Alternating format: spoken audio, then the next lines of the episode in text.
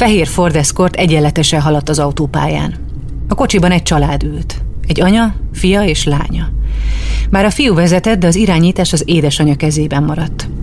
Utazás közben csak ketten beszéltek. Halkan, tárgyilagosan és közben mereven a tájat figyelték. A látvány nem volt különösebben érdekes.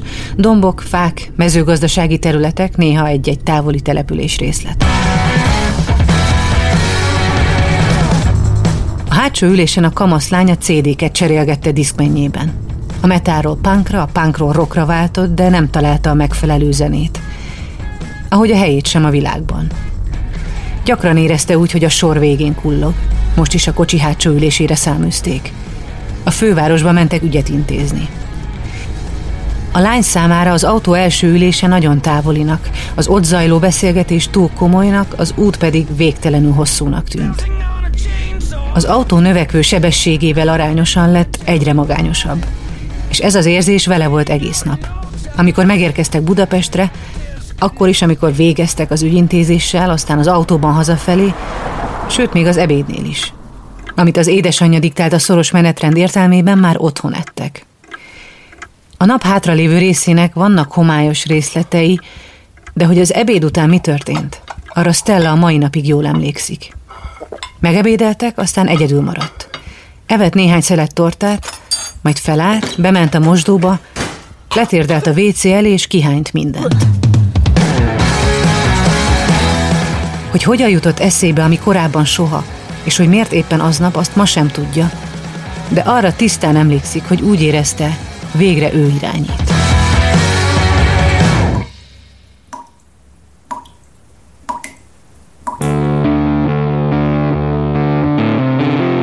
Lovas Rozi vagyok. Ez az Egyszer Lent. Egy podcast azokról, akiknek hatalmas pofont adott az élet. Megjárták a gödör mélyét, de sokkal erősebben másztak ki belőle. Minden élet tele van krízisekkel. Tudom, milyen elveszíteni azt, akit a legjobban szeretünk. Amikor éppen benne vagyunk, akkor könnyen hihetjük azt, hogy ennél rosszabb nem lehet. Aztán egyszer csak felgyullad a belső fény, megrázzuk magunkat, és megpróbáljuk kihozni az adott helyzetből a legjobbat. Az Egyszer Lent podcastben két hetente mesélek el egy történetet, ami nagyon mélyre lökött valakit, aki aztán megtalálta az utat felfelé. Ha azt gondolod, mindennek vége, jussanak eszedbe ezek a történetek. Mindig lehet jobb, ha te is akarod. Az evészavarok más mentális betegségekhez viszonyítva fiatalnak számítanak. De a probléma nem az. Például Árpádházi Szent Margit és Sziszi kapcsán is maradt kultúrtörténeti emlék, miszerint talán evészavarral küzdöttek. Ennek ellenére az anorexia nervózát csak 1873-ban, a bulimia nervózát 1979-ben írták le önálló betegségként. Talán ez az egyik oka annak, hogy mindkét problémát számos sztereotípia félreértés övezi. Bánlaki Stella, Prima Primissima junior díjas újságíró, a Forbes magazin főmunkatársa éppen azért töri meg a témát övező csendet, hogy leszámoljon a félreértésekkel. Ír, előadásokat tart, nyíltan vállalja problémáját, és ezzel azoknak is segíteni szeretne, akiknek más jelent az evés, mint az átlagembereknek. 16 éves korában kezdődött testkép és evészavara. Bulimiája, amit az anorexia váltott, végig kísérte a felnőtté válását, és mély nyomot hagyott benne. De megtanult boldog, kiegyensúlyozott életet élni, a sötét pillanatok már nem gyűrik maguk alá, és nem az evés vagy a nem evés mozgatja a mindennapjait. Ma már ő irányít. Ezt a műsort azért tudtuk elkészíteni, mert a Generáli biztosító szponzorként mellénk állt. Hallgassátok meg, miért fontos nekik, ami nekünk is.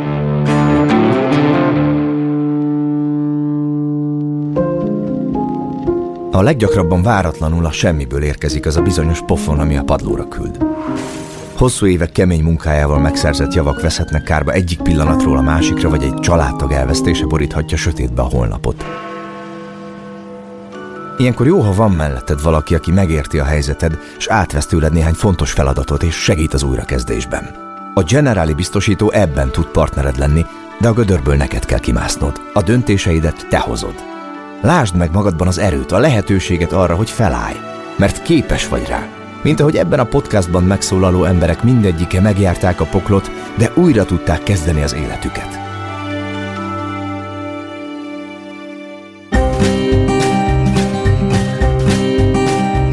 A helyszín egy vidéki családi ház. Kellemes millió, rendezett terek, szép bútorok, egy békésen átlagos otthon, ahol öten élik a mindennapokat – Sokak számára ismerős, megszokott kerékvágásban. A gyerekek okosak, a szülők gondoskodók, a felmerülő problémák leküzdhetők. Úgy is mondhatnánk, hogy minden normális és ideális. Nekem két bátyám van, jóval idősebbek nálam, egyikük 14 évvel idősebb, másikuk pedig 9 -el. Szüleim házasságban élnek a mai napig, együtt vannak, családi házban, nőttem fel, a mai napig abban élnek. Tulajdonképpen egy kívülről nézve minden szempontból ideális körülmények között alapvetően mindenünk megvolt, és a tanulás, illetve egy jó értékrend irányába terelt minket anyukám és apukám, és azért főleg anyukám tartotta kézben a háztartást, meg a gyereknevelést, de azt, azt mondhatom, hogy mindenünk megvolt. Sajnos azonban van úgy, hogy ennek a mindennek a dacára is hiba csúszik az ideális mindennapokba. Nem egyből érezteti a hatását, hanem évekkel később. Egyszer csak váratlan, bajós események formájában csap le. És hogy érezted magad? Ugye a családon belül van erről egy ilyen érzeted? Vagy emlékképed? Én voltam a kicsi, ezzel általában nem osztottak lapot. Szerintem próbáltam belebeszélni a családi nagy megbeszélésekbe, amikor éppen voltak, de hát nyilván nem értettem még akkor a dolgokat. Volt egy családi vállalkozásunk, amit apukám vezetett, és a két bátyám már fiatalon is belefolytak. A családi beszélgetések zöme az ehhez a vállalkozáshoz kapcsolódott, amihez meg aztán végképp valójában nem tudtam hozzászólni valószínűleg.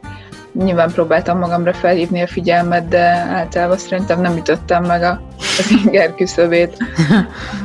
Egyrészt nem voltam egy cserfes, exhibicionista kislány, de azért azt gondolom, hogy, hogy lehettek próbálkozásaim a nézd, mit rajzoltam tóla, ez történt az óvodában, így bezárólag. Mit szerettél csinálni? Jól el voltam magamban általában. A rajzolás vagy a könyvlapozgatás az többnyire lefoglalt, és az aztán később ez a zárkózottság ez előtérbe is került. Nekem a beilleszkedéssel sokszor voltak problémáim. Könnyedén élettem a csoportokban az a gyerek, akit lehet csúfolni, vagy könnyű gyenge pontot találni rajta. Azt gondolom, hogy ezt valahogy talán ez csak rájátszott arra, hogy zárkozottabbá váltam, hogy elkezdtem felnőni. A zárkózottság az általános iskola végére lázadássá változott. Stella a legkézenfekvőbb módját választotta annak, hogy kifejezze, ő már nem az a lány, aki a hátsó ülésen szeretne utazni. Megváltoztatta a külsejét is. Haját féloldalt felnyírta és zöldre festette. Billy Joe Armstrong az énekes, néztem meg, hogy fú, milyen szuper zöld haja volt, amikor még ő is fiatalabb volt, de akkor nekem is zöld haj kell. Úgy azonnal szereztem egy zöld hajfestéket, és nekiálltam magam befújni. Vettem egy fekete szemceruzert, meg egy fekete körömlakkot, és másnaptól punk voltam meg rocker. Ez az általános iskola vége? Ez, ez az a nyolcadik osztály volt, de tényleg szó szerint egyik napról a másikra. Elsősorban azt hiszem, hogy a szüleim elleni lázadás volt, vagy a normák elleni lázadás, de hogy közben meg a kortársaim ezt jópofának találták, és jött vele egy vagányság, amire aztán ők is rá tudtak kapcsolódni, és onnantól kezdve már több barátom is lett. A zöld hajból aztán fekete lett, a kopaszból hosszú, aztán rasta, aztán a barátnőm átjukazgatta a fülemet, meg aztán a, az orromba karika volt. Mindent ki kellett próbálni, leginkább azokat a dolgokat kellett kipróbálni, amiről tudtam, hogy anyukámat kiveri tőle a frász. És azért ebben a nagy lázadásban, ilyen 16 éves koromra már egyre több lett ez a, ez a délután, ahol tínédzserkori depressziónak a tünete így eluralkodtak rajtam, hazaértem az iskolából, és magam se tudtam megmondani, hogy miért, de órákig bőgtem a szobámban, a párnámba nyomott fejjel. Tulajdonképpen valahogy kerestem a helyem, de, de mégsem találtam, és jobb volt, mint régen, de mégsem volt igazán jó. A pszichológia az úgynevezett normális fejlődési krízisek közé sorolja a serdülőkori válságot, ami gyakori a tinédzserek körében. Ez az időszak tulajdonképpen átmenet a gyermekkor és a felnőttkor között, és emiatt félelmekkel, változásokkal teli. Hogy kire milyen hatással van, a számos változó függvénye. Stella nem talált kiutat magányossága börtönéből. Hangulat ingadozásai olykor teljesen maga alá gyűrték. Akár hetekig is szótlan, egykedvű vagy éppen zaklatott volt.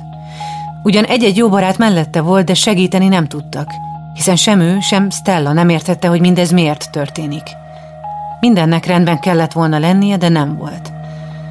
Stella számára egyedül a lovaglás jelentett kiutat a szomorú mindennapokból. 10-11 éves koromban kezdtem el lovagolni, és tulajdonképpen ez volt az, amivel felnőttem, és a labilis kamaszkori években is stabilitást tudott adni.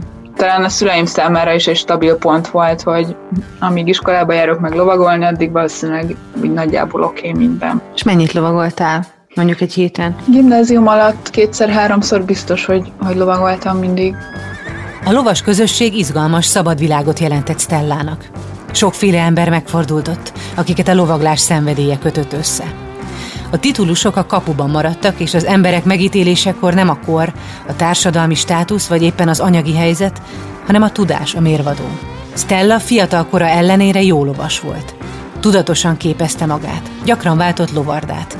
Egy új helyszín mindig új kihívást és új módszereket tartogatott. 16 éves volt, amikor egy nagy tudású edzőtől kezdett órákat venni. Élvezte az új lehetőséget, és ahogy az ilyenkor lenni szokott, meg akart felelni az elvárásoknak. Idővel olyanoknak is, amelyeknek nem szabadott volna felmerülniük. Stella edzője visszaélt a ki nem mondott erőfölényével. A biztonság illúzióját nyújtotta, hogy aztán egy pillanatban a saját céljait szem előtt tartva manipulálhassa, majd elárulhassa Stellát. Gyorsan átfordult a kettőnk kapcsolata valami másból, nem egy edző és tanítvány kapcsolat volt az már, talán az elején sem teljesen. Uh-huh. Hogy érezted ezt az átbillenést? 16 éves voltam akkor, mert azért talán az átlagnál érettebb a koromhoz képest, és hát nagyjából csak úgy, mint a kortársaimnak, de, de hogy, hogy voltak már fiúkkal kapcsolataim, semmi komoly, de voltak előtte. Szóval fel tudtam mérni, hogy, hogy milyen az, amikor nem úgy közelednek az emberhez, ahogy ez nyilván egy ilyen aláfelé rendeltségi viszonyban illendő lenne. Hmm. Meg eléggé egyértelművé is tette ez az edző, hogy, hogy valami egészen másra vágyik, annál, hogy, hogy segítsek kitakarítani az istálókat. Valószínűleg arra is jól ráérzett, és aztán mit később megtudtam ebben, nem csak velem kapcsolatban volt tapasztalata, hogy egy, egy labilis tizenévesnek mire van szüksége ahhoz, hogy, hogy elkezdje komfortosan érezni magát, vagy elengedni magát egy, egy felnőtt társaságában. Utólag visszanézve nagyon precízen és okosan építette bennem a, a bizalmat, ő maga felé, meg saját magamban, is nem létező önbizalmamat és önérzetemet ápolgatta. Tudta úgy alakítani a dolgokat, hogy nem meneküljek el azonnal a közeledésére, pusztán azért, mert, mert mondjuk olyan lelki támogatást, vagy olyan jó szavakat kaptam tőle, mint mondjuk senki mástól. A szexuális visszaélésről, mert senkiben ne legyen kételj, hogy ez az volt, számos mítosz él. Az egyik az, hogy minden esetben direkt, nyilvánvaló módon történik. Azonban a valóság az, hogy sokkal gyakoribb, hogy a visszaélés elkövetői körmönfont eszközökkel megfontoltan időt és energiát nem sajnálva cserkészik be kiszemelt áldozatukat. És gyakori az is, hogy a visszaélés vagy a manipuláció csak évekkel később lesz világos az áldozat számára is. Stella edzője kihasználta a kettejük viszonyának egyenlőtlenségeit. Kezdetben azt, hogy edzőként és felnőttként nyilvánvaló tiszteletet kapott egy kamasztól, majd azt, hogy ilyen helyzetben mindig a felnőtt irányít.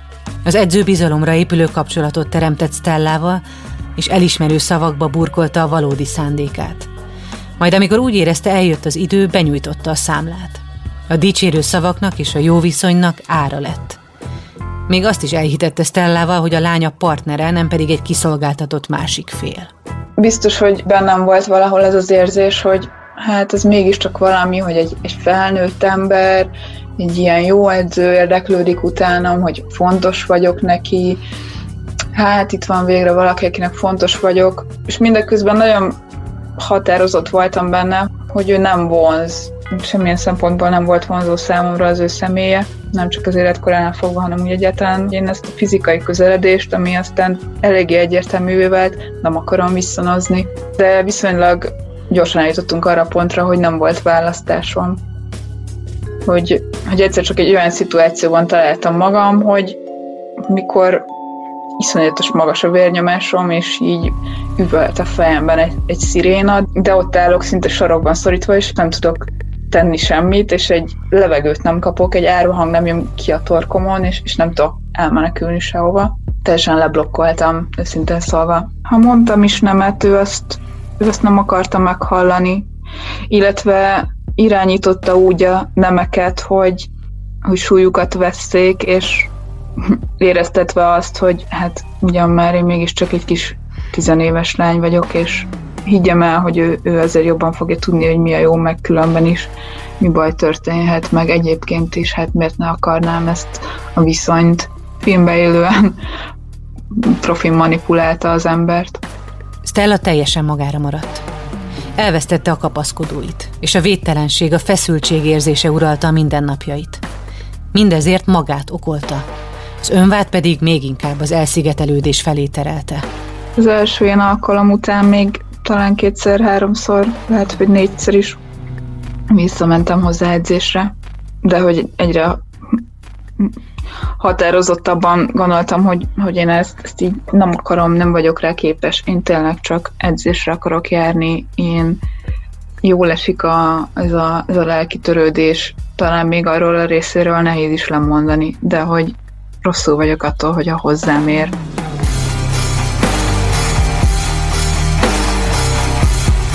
Ez a lovarda, ez, ez gyakorlatilag egy tanya volt. Mm, onnan nem lehetett elmenekülni, csak úgy legjobb esetben busszal, ami naponta egyszer-kétszer járt, lehetett eljutni a egy közelebbi városig, vagy egy másik faluig.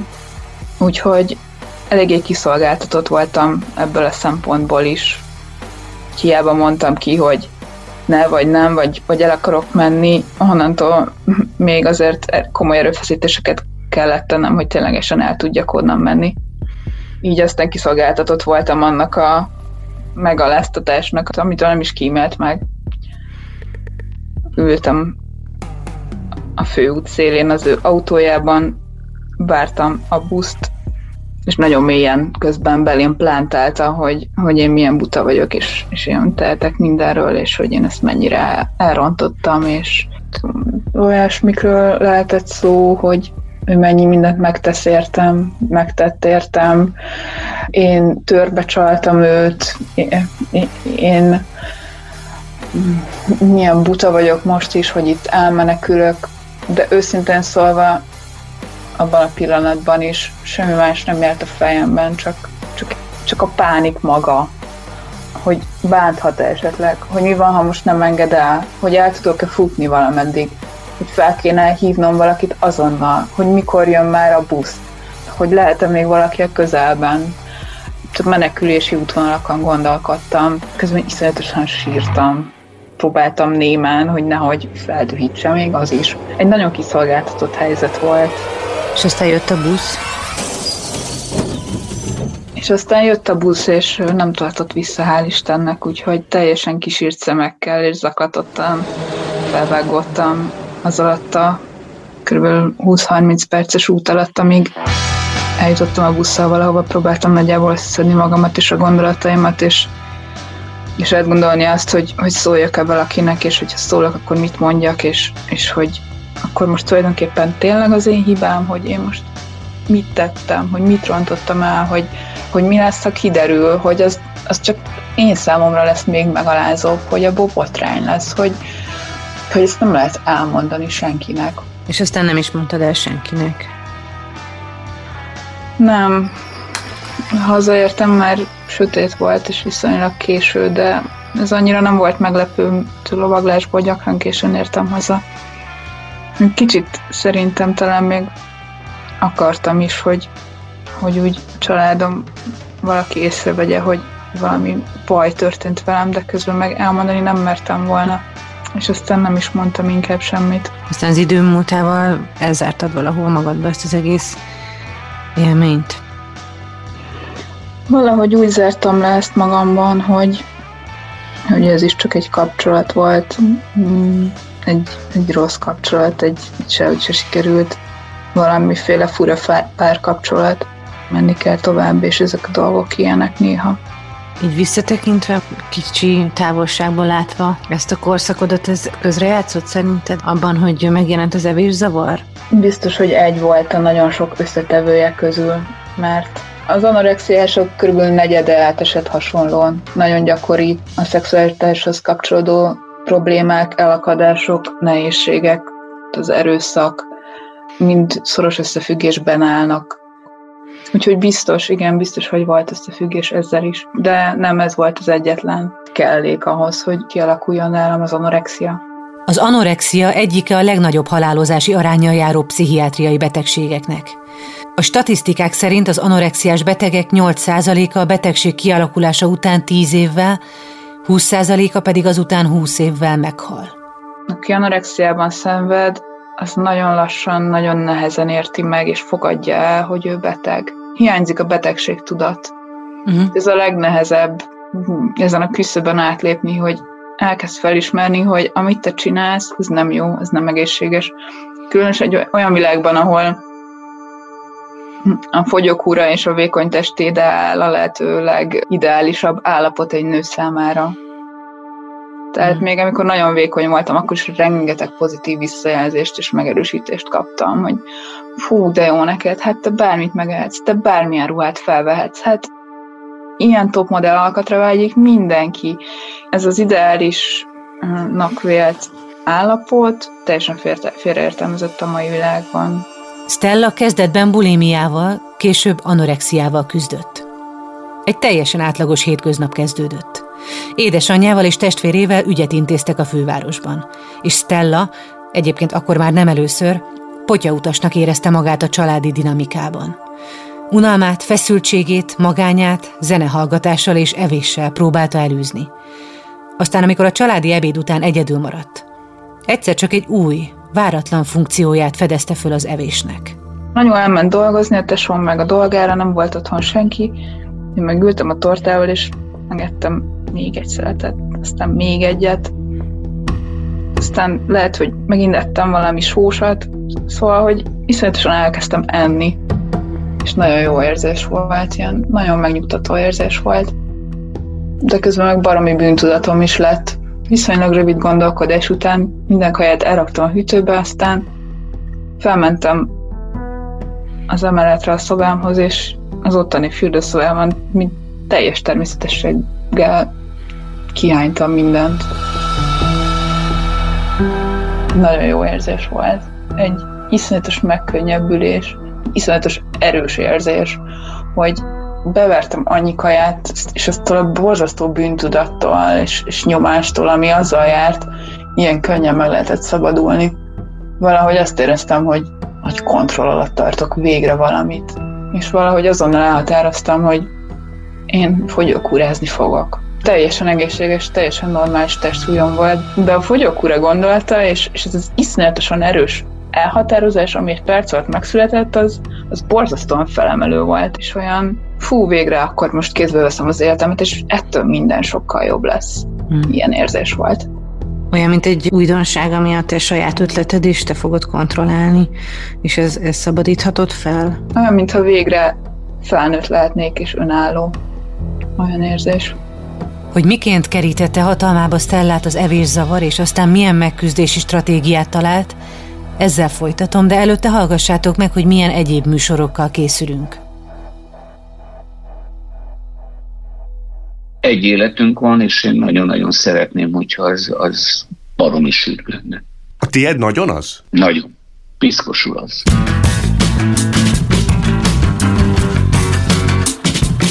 Újra itt a felforgatók, a podcast bátor magyarokról. Nem lehet saját magammal szembe azt a luxust megengedni, hogy mondjuk össze a molyag. Kadarkai Endre vagyok. Az elkövetkező hetekben tíz olyan ember történetét mesélem el, akik letértek a kitaposott ösvényről, és saját utat választottak. Azokból a körhintekből, amik nem olyan irányba forognak, ami számomra komfortos, azokból általában kiszállok. Akik átírták a játékszabályokat, akik ha elbuktak, azért is újra kezdték. Hat éves koromtól úgy nőttem föl, hogy nekem minden héten, minden évben bajnoknak kell lennem. A felforgatók addig nem nyugszanak, ameddig el nem érik a céljaikat. akik ha valamiben hisznek, amellett a végsőkig kitartanak. Ha borászatra bökre az édesapja, akkor ön most a borászatot megreformáló magyar üzletember? Szerintem igen. Ha egyeket tudtam volna elhordani hátamon. Legyünk példát róluk. Tanuljunk tőlük. Legyünk minél többen felforgatók. Viszont előtte irány a medikus presszó. Kövessetek minket, iratkozzatok fel a Spotify, Apple, Google Podcast lejátszótokon, vagy ahol jól esik.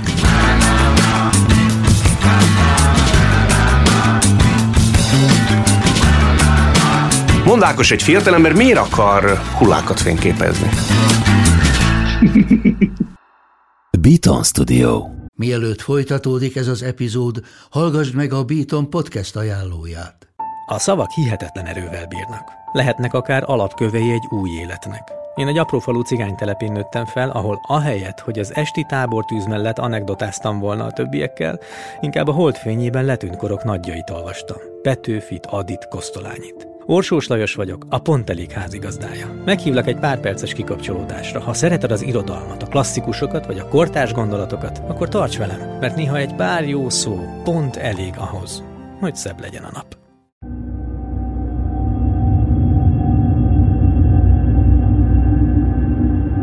Mindösszesen fél év kellett ahhoz, hogy Stellán teljesen elhatalmasodjon az evészavar.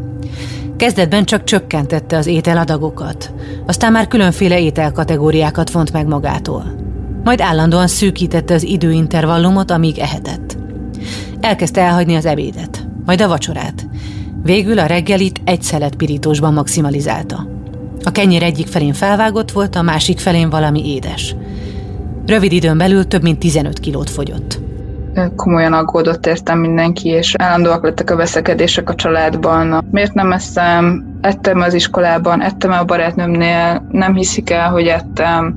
Miért kell biciklivel menni, lovagolni is két falu alarrébb, amikor nincs bicikli út, és iszonyatosan veszélyes. Gyakorlatilag minden vita tárgya lett. És a koplalás és a teljes önmegtartóztatás mellett különösen ahogy, ahogy egyre jobban éhezett a szervezetem, egyre erősebb falás rohamaim is lettek, amiknek aztán persze mindig önhánytatás volt a vége. Egy nap a helyzet pattanásig feszült. Súlyos némaság töltötte be Stelláik otthonát.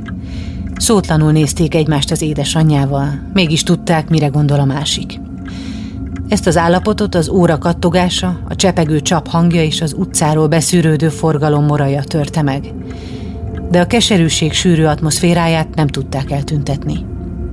A mindent elárasztó feszült csend a szíveikbe is utat tört. Stella meg nem értetnek, az édesanyja tehetetlennek érezte magát.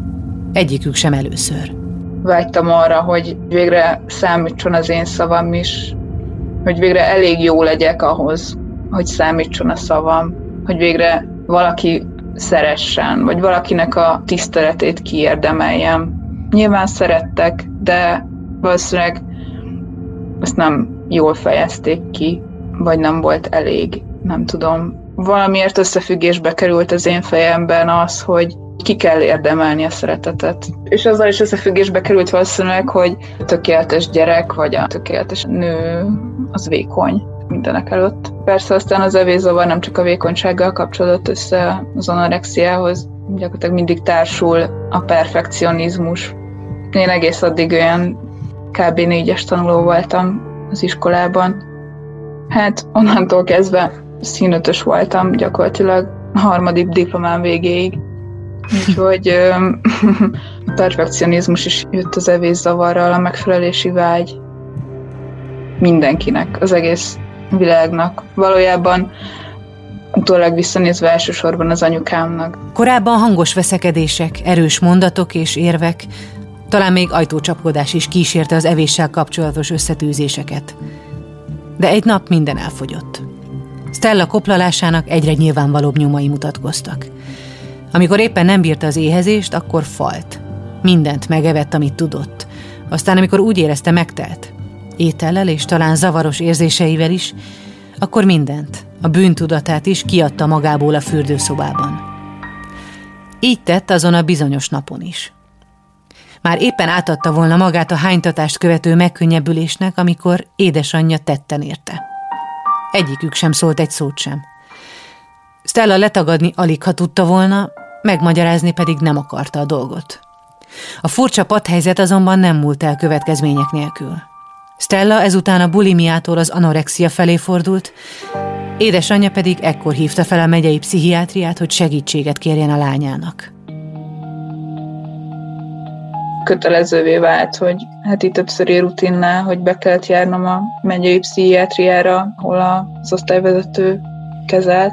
Az, hogy bejártam, az volt a feltétele annak, hogy iskolába járhatok és készülhetek az érettségire. Amit meg eléggé akartam, mert az meg nyilván feltétele volt annak, hogy aztán önállóvá válva Budapestre költözhessek és egyetemre menjek. Hogy lehet egy ilyen díl a szüleid és te köztet, hogy... Tulajdonképpen az orvos és, és anyám is én köztem, hogy ha eljárok kezelésre, akkor járhatok iskolába, és nem kell befeküdnöm fekvőbetegként a pszichiátriára.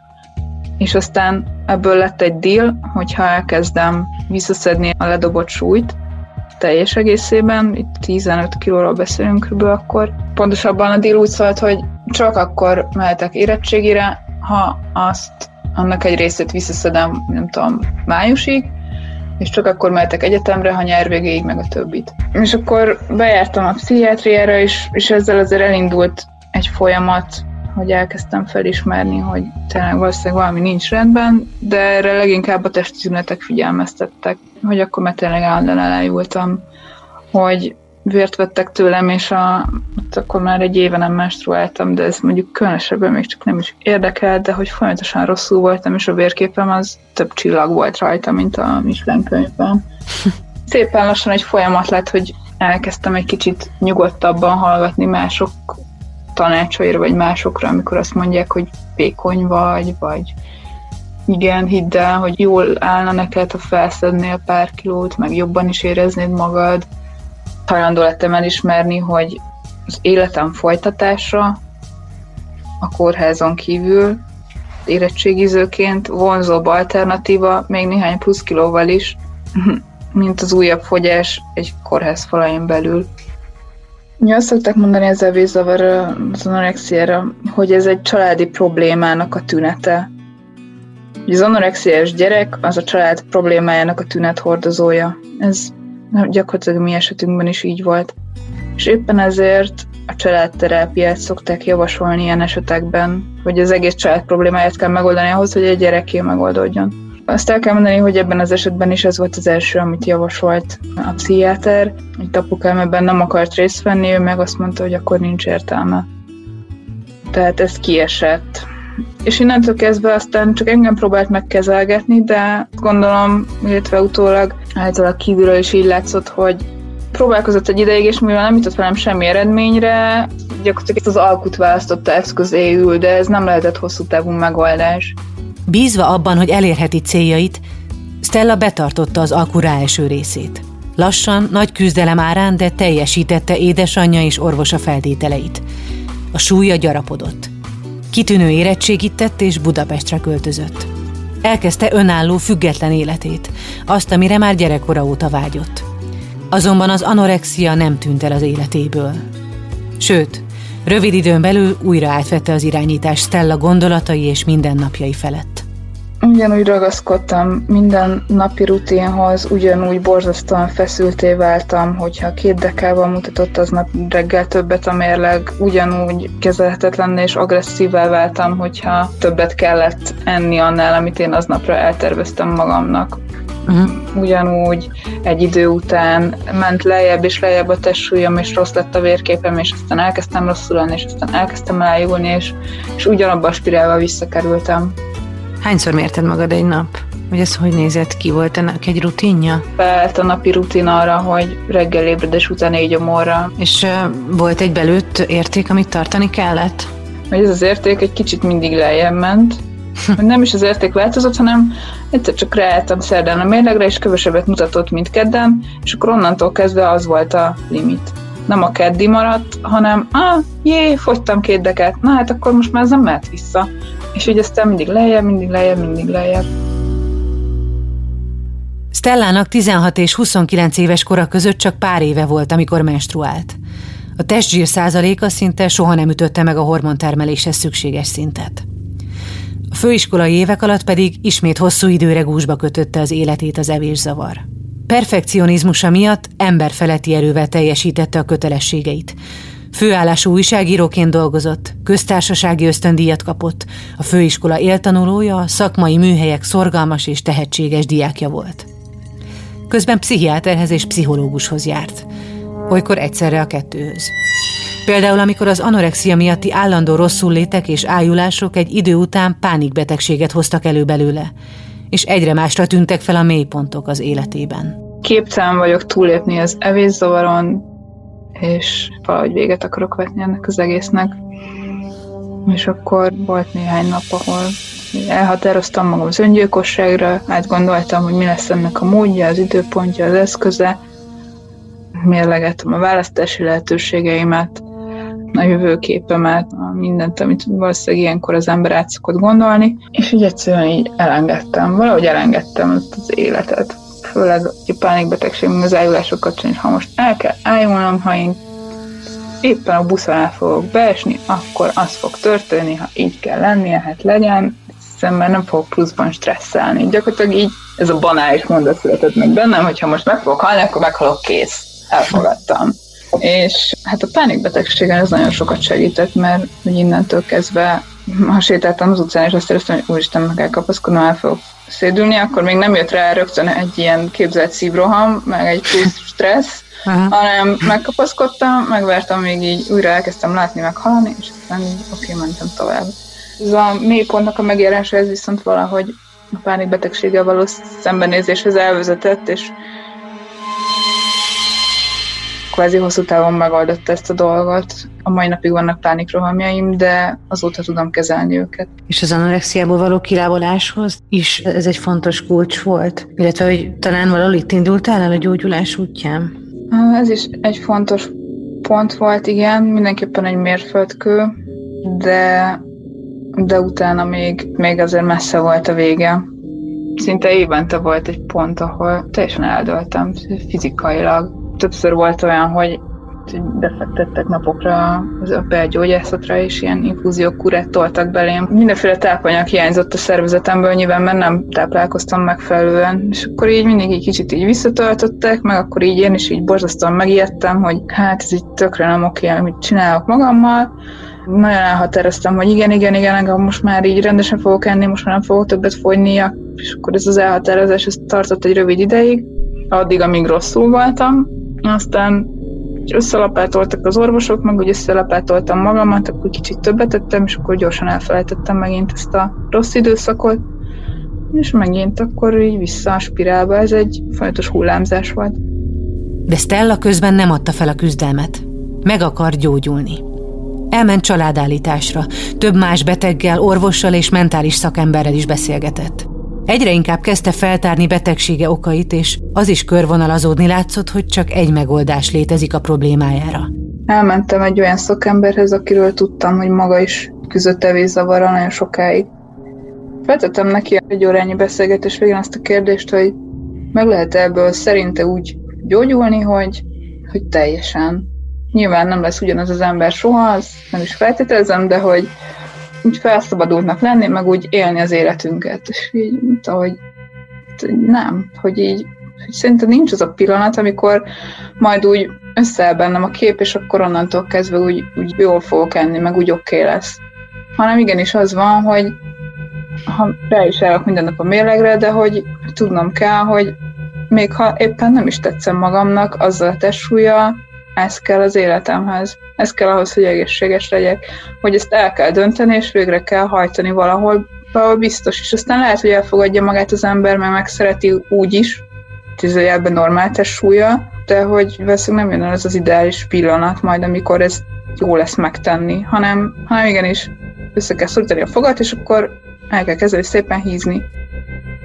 Stella megfogadta a tanácsot és ha nem is hízott tőle egyből, a fogát összeszorította, és a siker érdekében módszereket, megküzdési stratégiákat dolgozott ki azokra az esetekre, amikor az anorexia felül akart kerekedni rajta. A gyógyulás lassú folyamat, és talán még most is tart. Szoktam néha mondani, hogyha, hogyha valaki a környezetemben van, és próbálja megérteni az én helyzetemet, hogy nekem minden evés, különösen ha nem egyedül vagyok, hanem valaki mással, az egy, ez, ez körül úgy néz ki, hogy így elindítom az operációs rendszert, és akkor így elindítom az evés.exe-t, tehát hogy, hogy ezt így le kell szépen futtatni ezt a programot minden egyes alkalommal, minden egyes nap.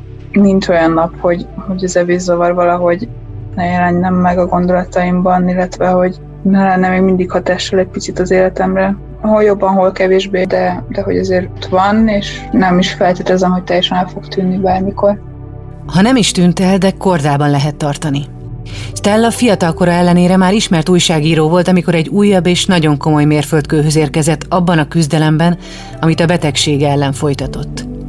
Akkor éppen egyre többen mondták ki Me Too, és Stella emlékeiben megjelent egykori edzője és az igazságtalanság is, amit át kellett élnie. A szexuális visszaéléssel kapcsolatos szörnyű élményed az, az most hol tart a feldolgozás útján? Lehet, hogyha nem lett volna ez a MeToo mozgalom, és nem jelenik meg 2017-18-ban annyi cikk erről az egész témáról, meg nem robban ki annyi botrány, nem robban ki akár Magyarországon is ezzel kapcsolatos botrány, akkor még mindig nem tartanék ezzel sehol. De ez a feldolgozási folyamat, és az, hogy ennek újságíróként én is a része lettem ennek a mozgalomnak, vagy egy picit, legalábbis remélem, hogy része lettem, ez, ez igen csak előre a feldolgozási folyamaton. Jól vagyok már ezzel, erről is tudok beszélni. Át kellett esni ezen a sokkon magamnak is, családomnak is, családoddal sikerült kibeszélned ezt a dolgot egyébként? A családom férfi tagjai ezzel kapcsolatban is bezárkóztak, és, és velük például kevésbé. De anyukámmal igen, ő érthető módon mhm, iszonyatosan kiborult és borzasztó hibáztatásba kezdett, amikor ezt szembesülnie kellett. Gyakorlatilag úgy, hogy én ezt megírtam az én történetemet egy újságcikkben kinyomtattuk, 30 ezer példányban kitettük az internetre. Én előtte leültettem őt ott otthon, és, és még mielőtt a cikk megjelent volna, kinyomtatva a kezébe adtam, és, és kértem, hogy olvassál és beszéljük át. Neki ez talán abban az időszakban biztos, hogy még akkor sokkal nehezebb volt, mint nekem. Én már akkor ezt feldolgoztam. De igen, megbeszéltük, feldolgoztuk. Remélem, hogy amennyire tudtam feladazást adtam neki a, a bűntudata alól ezzel kapcsolatban is. Hmm. És benned volt egyébként önhibáztatás? Az utóbbi pár évben tudatosult, hogy ez, ez nem az én hibám, sőt, egyáltalán az is akkor tudatosult, hogy ez a szituáció semmilyen szempontból nem volt elfogadható, nem volt oké. Okay. Ez, ez gyakorlatilag egy, egy büntetőjogi kategória. Ez egy szexuális visszaélés, amivel akkor történt. Úgyhogy ezeket meg kellett értenem. Az, hogy ettől valamennyire megszabadultál, vagy elkezdett feldolgozni, ez volt visszahatással az evészavarodra? Volt, biztos, hogy volt. Sokat lendített az evészavarral kapcsolatos gátlásaim, meg berögződéseim oldásán az, hogy az életemnek ezt a részét is sokkal jobban megértettem, hogy más megvilágításba került. Stella felismerte azokat a motivumokat, amelyek már a születése előtt létezhettek a családjában. Ahogy azt is, hogy abból a 10-12 hajlamosító tényezőből, ami evészavart válthat ki valakiből, nála az összes adott volt. Tipikus ugye, hogy, hogy lányoknál, gyakoribb fiatal lányoknál depresszióra, labilitásra való hajlam szintén meg volt nálam, ez a zárkózott lelki világ, az, hogy ez a szexuális visszaélések, bántalmazás, az, hogy, hogy voltak a családunkban problémák, az, hogy iszonyatosan vágytam arra, hogy, hogy önálló lehessek. Jellemző az, hogy ahol van egy erős szülő, vagy egy nagyszülő, aki gyakorlatilag egyként irányítja a családot, aki a szabályokat hozza, aki, aki mindenki számára meghatározza az irányelveket, és a, akár a, a túlik határokat, vagy a, szinte a napi rutinokat, ott felerősödik az önmagunk élettel feletti kontrollvágy, ez, ez nálunk abszolút megvolt. Mindeközben iszonyatos elvárások voltak szülői részről, legalábbis én iszonyatosnak éltem meg őket mind a tanulásra, mint a magaviseletre vonatkozóan. Voltak az evéssel és a, a testsúlyjal kapcsolatos problémák is a családban. Ez nálunk egy szinte állandó téma volt az evés, és az, hogy ilyen az ideális testsúly, az elhízástól való félelem, az, az gyakran megjelent. Mert volt a családodban, aki mondjuk el volt hízva? Apukám elhízott, igen, nála is az egész zavar jelenik meg csak a másik irányban. És én azért gyerekként nagyon gyakran napi szinten megkaptam, hogy hát talán azt a második vagy harmadik repetelt már nem kéne, hogy jobb nem elhízni, mert aztán nagyon rossz a fogyókúra, anyukámtól a nassolásra, hogy na, akkor sorolt fel, hogy mit tettél ma, beszéljük át, hogy biztos meg akarod enni még este nyolckor azt a negyedik táműzdit. Tehát ezért volt egy ilyen külső kontroll az én testsúlyomra vonatkozóan. Ez, ez is belejátszhatott. Akárhogyan is, Stella mára megértette a családját. Felismerte a gyengeségeiket, és mindeközben megtanulta kifejezni az érzelmeit. Megismerte az értékeit. Ebben édesanyja komoly segítséget jelentett. Anyukám, miután felismerte a betegségemet, képes volt gyökeresen megváltozni, ami miatt a mai napig viszonyatosan jó a kapcsolatunk, és azt hiszem, hogy mindazt a szeretetet és, és önbizalom igényt, meg elfogadás iránti igényt, amit azt megelőzően nem adott meg nekem, vagy nem tudott megadni nekem, azt utólag folyamatosan igyekszik pótolni, amennyire lehet. Ez biztos, hogy nagyon fontos volt. Stella elkezdett nyíltan beszélni az egykori betegségéről. Először csak a környezetében, aztán idegenek előtt is, majd rendszeresen a közösségi médiában. Míg nem az evészavarához is kapcsolódó szexuális visszaélés témával a Teden is pódiumra állt.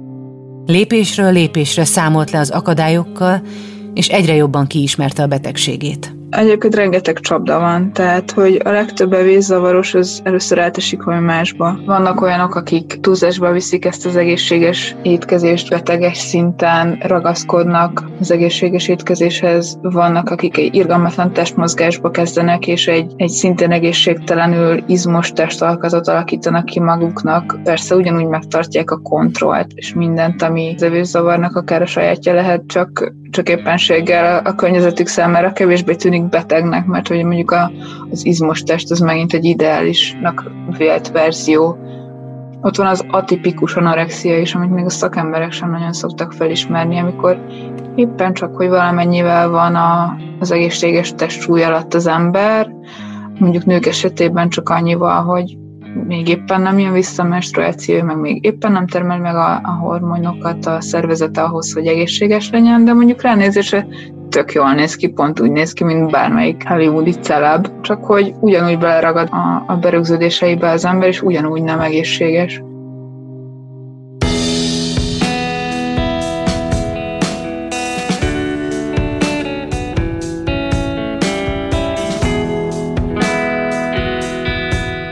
Stella életének mozgató rugója már rég nem az evés, vagy éppen a nem evés. De ahogy ő mondja, nem telik el nap, hogy a betegsége valahogy, valahol vissza ne köszönne. Úgy érzi, hogy a nehéz életszakaszokban, amelyekből biztosan jut még neki is, mindig első számú probléma megoldásként jelenik majd meg. Csak úgy, mint bármelyik szenvedélybeteg életében a függőségének tárgya. De abban is biztos, hogy meg fogja találni a módját, hogy ne engedjen az anorexia kísértésének. És ezt még elmondod, milyen egy evészavarral küzdő ember számára a támogató közeg? Egy evészavarnak a támogató közeg az mindenek előtt türelmes, szinte végtelen, végtelen türelem kell az evészavarosokhoz, mert a jobb periódusok után könnyedén jöhet egy rosszabb, és ilyenkor sem szabad feladni azt, hogy, hogy mellettük áll és kitart az ember. Hogy lehet segíteni? Biztos, hogy segít, hogyha lesznek hát ez az önbizalom és az önismeret meglétén túl, hogyha lesznek az embernek céljai napi szinten és hosszabb távon is. Ha megtalálja magát és az életértelmét valamiben, hogyha tudja, hogy miért kell fel, miért dolgozik és miért éri meg egészségesnek maradnia minden egyes nap ennie azért, hogy egészséges maradjon, ami normális ember számára egy furcsa mondat, de egy evészavaros számára ez tényleg egy napi feladat lehet, és akár naponta vizsgálatra szorulhat az, hogy mi értelme van egy olyan testben élnie, amit nem szeret és nem lát szépnek, csak azért, hogy legyen ereje végrehajtani bizonyos dolgokat. Értelmet kell találni ebben, és lehet, hogy egy adott esetben egy, egy külső fél is segíthet megtalálni ezt az értelmet vagy célt.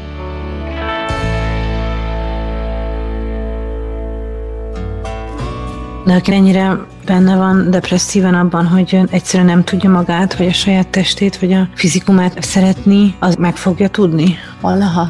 Mindenképpen fel kell ismerni, hogy ez az egyetlen út, Tehát az út egyik végén betegség van, meg halál, meg éhezés, meg ördögi körök, a másik végén meg az a gyógyulás, aminek a kulcsa senki más kezében nem lehet, mint a saját magáéban az embernek. A benne maradás a betegségben nem vezet sehova. Az, hogy fékony vagy, sovány vagy, semmit nem fog előre mozdítani az életen. A másik út megvezetett akárhova. Hm. Ezt, ezt meg kell érteni, és, és el kell fogadni. Stella pozitív példa szeretne lenni lányok, fiúk, unokahúgok és unokaöccsök, sorstársak, más evészavarosok, a szexuális visszaélések áldozatai számára. Azért áll nyilvánosság elé, hogy mindenkiben tudatosítsa, nincsenek egyedül a problémáikkal. Szeretné bizonyítani, hogy létezik eredményes megküzdés, és hogy a segítségnyújtásnak óriási ereje lehet. Amikor először kapott visszajelzéseket arról, hogy a kiállásai valóban hatnak, segítenek másoknak, a számára is mindennél erősebb lökést adott, hogy ne térjen le a saját maga által kijelölt útról. Az utóbbi években szabadabbá váltam, mert tavalyi évem nagy eredménye volt, hogy megtanultam pihenni. és egész jól belejöttem tavaly óta, mert most már így előtérbe kerültek a pihenéssel együtt egy csomó olyan dolog is az életemben, ami korábban el volt nyomva, időtöltés a családdal, meg a szeretteimmel, meg a, a barátaimmal, úgyhogy közben nem akarok kényszeresen még egy laptoppal az ölemben dolgozni is, felteszem például.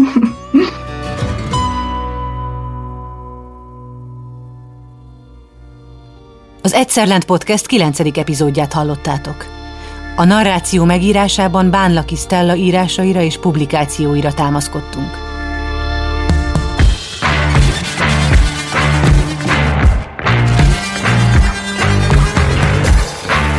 A mai epizód szerkesztője Pusmáté Bence, produkciós vezető Grőgerdia, a zenei és utómunka szerkesztő Szűcs Dániel, a kreatív producer Román Balázs, a producer pedig Hampuk Richard volt. Lovas Rozit hallottátok. Két hét múlva újabb történettel jövök. Beaton Studio. Ha más podcastekre is kíváncsi vagy, hallgassd meg a Béton műsor ajánlóját.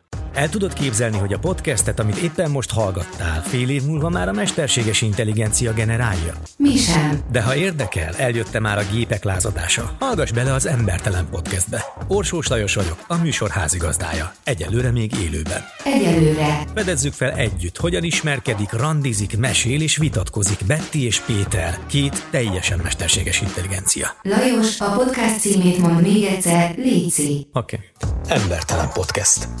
Ez egy Béton podcast.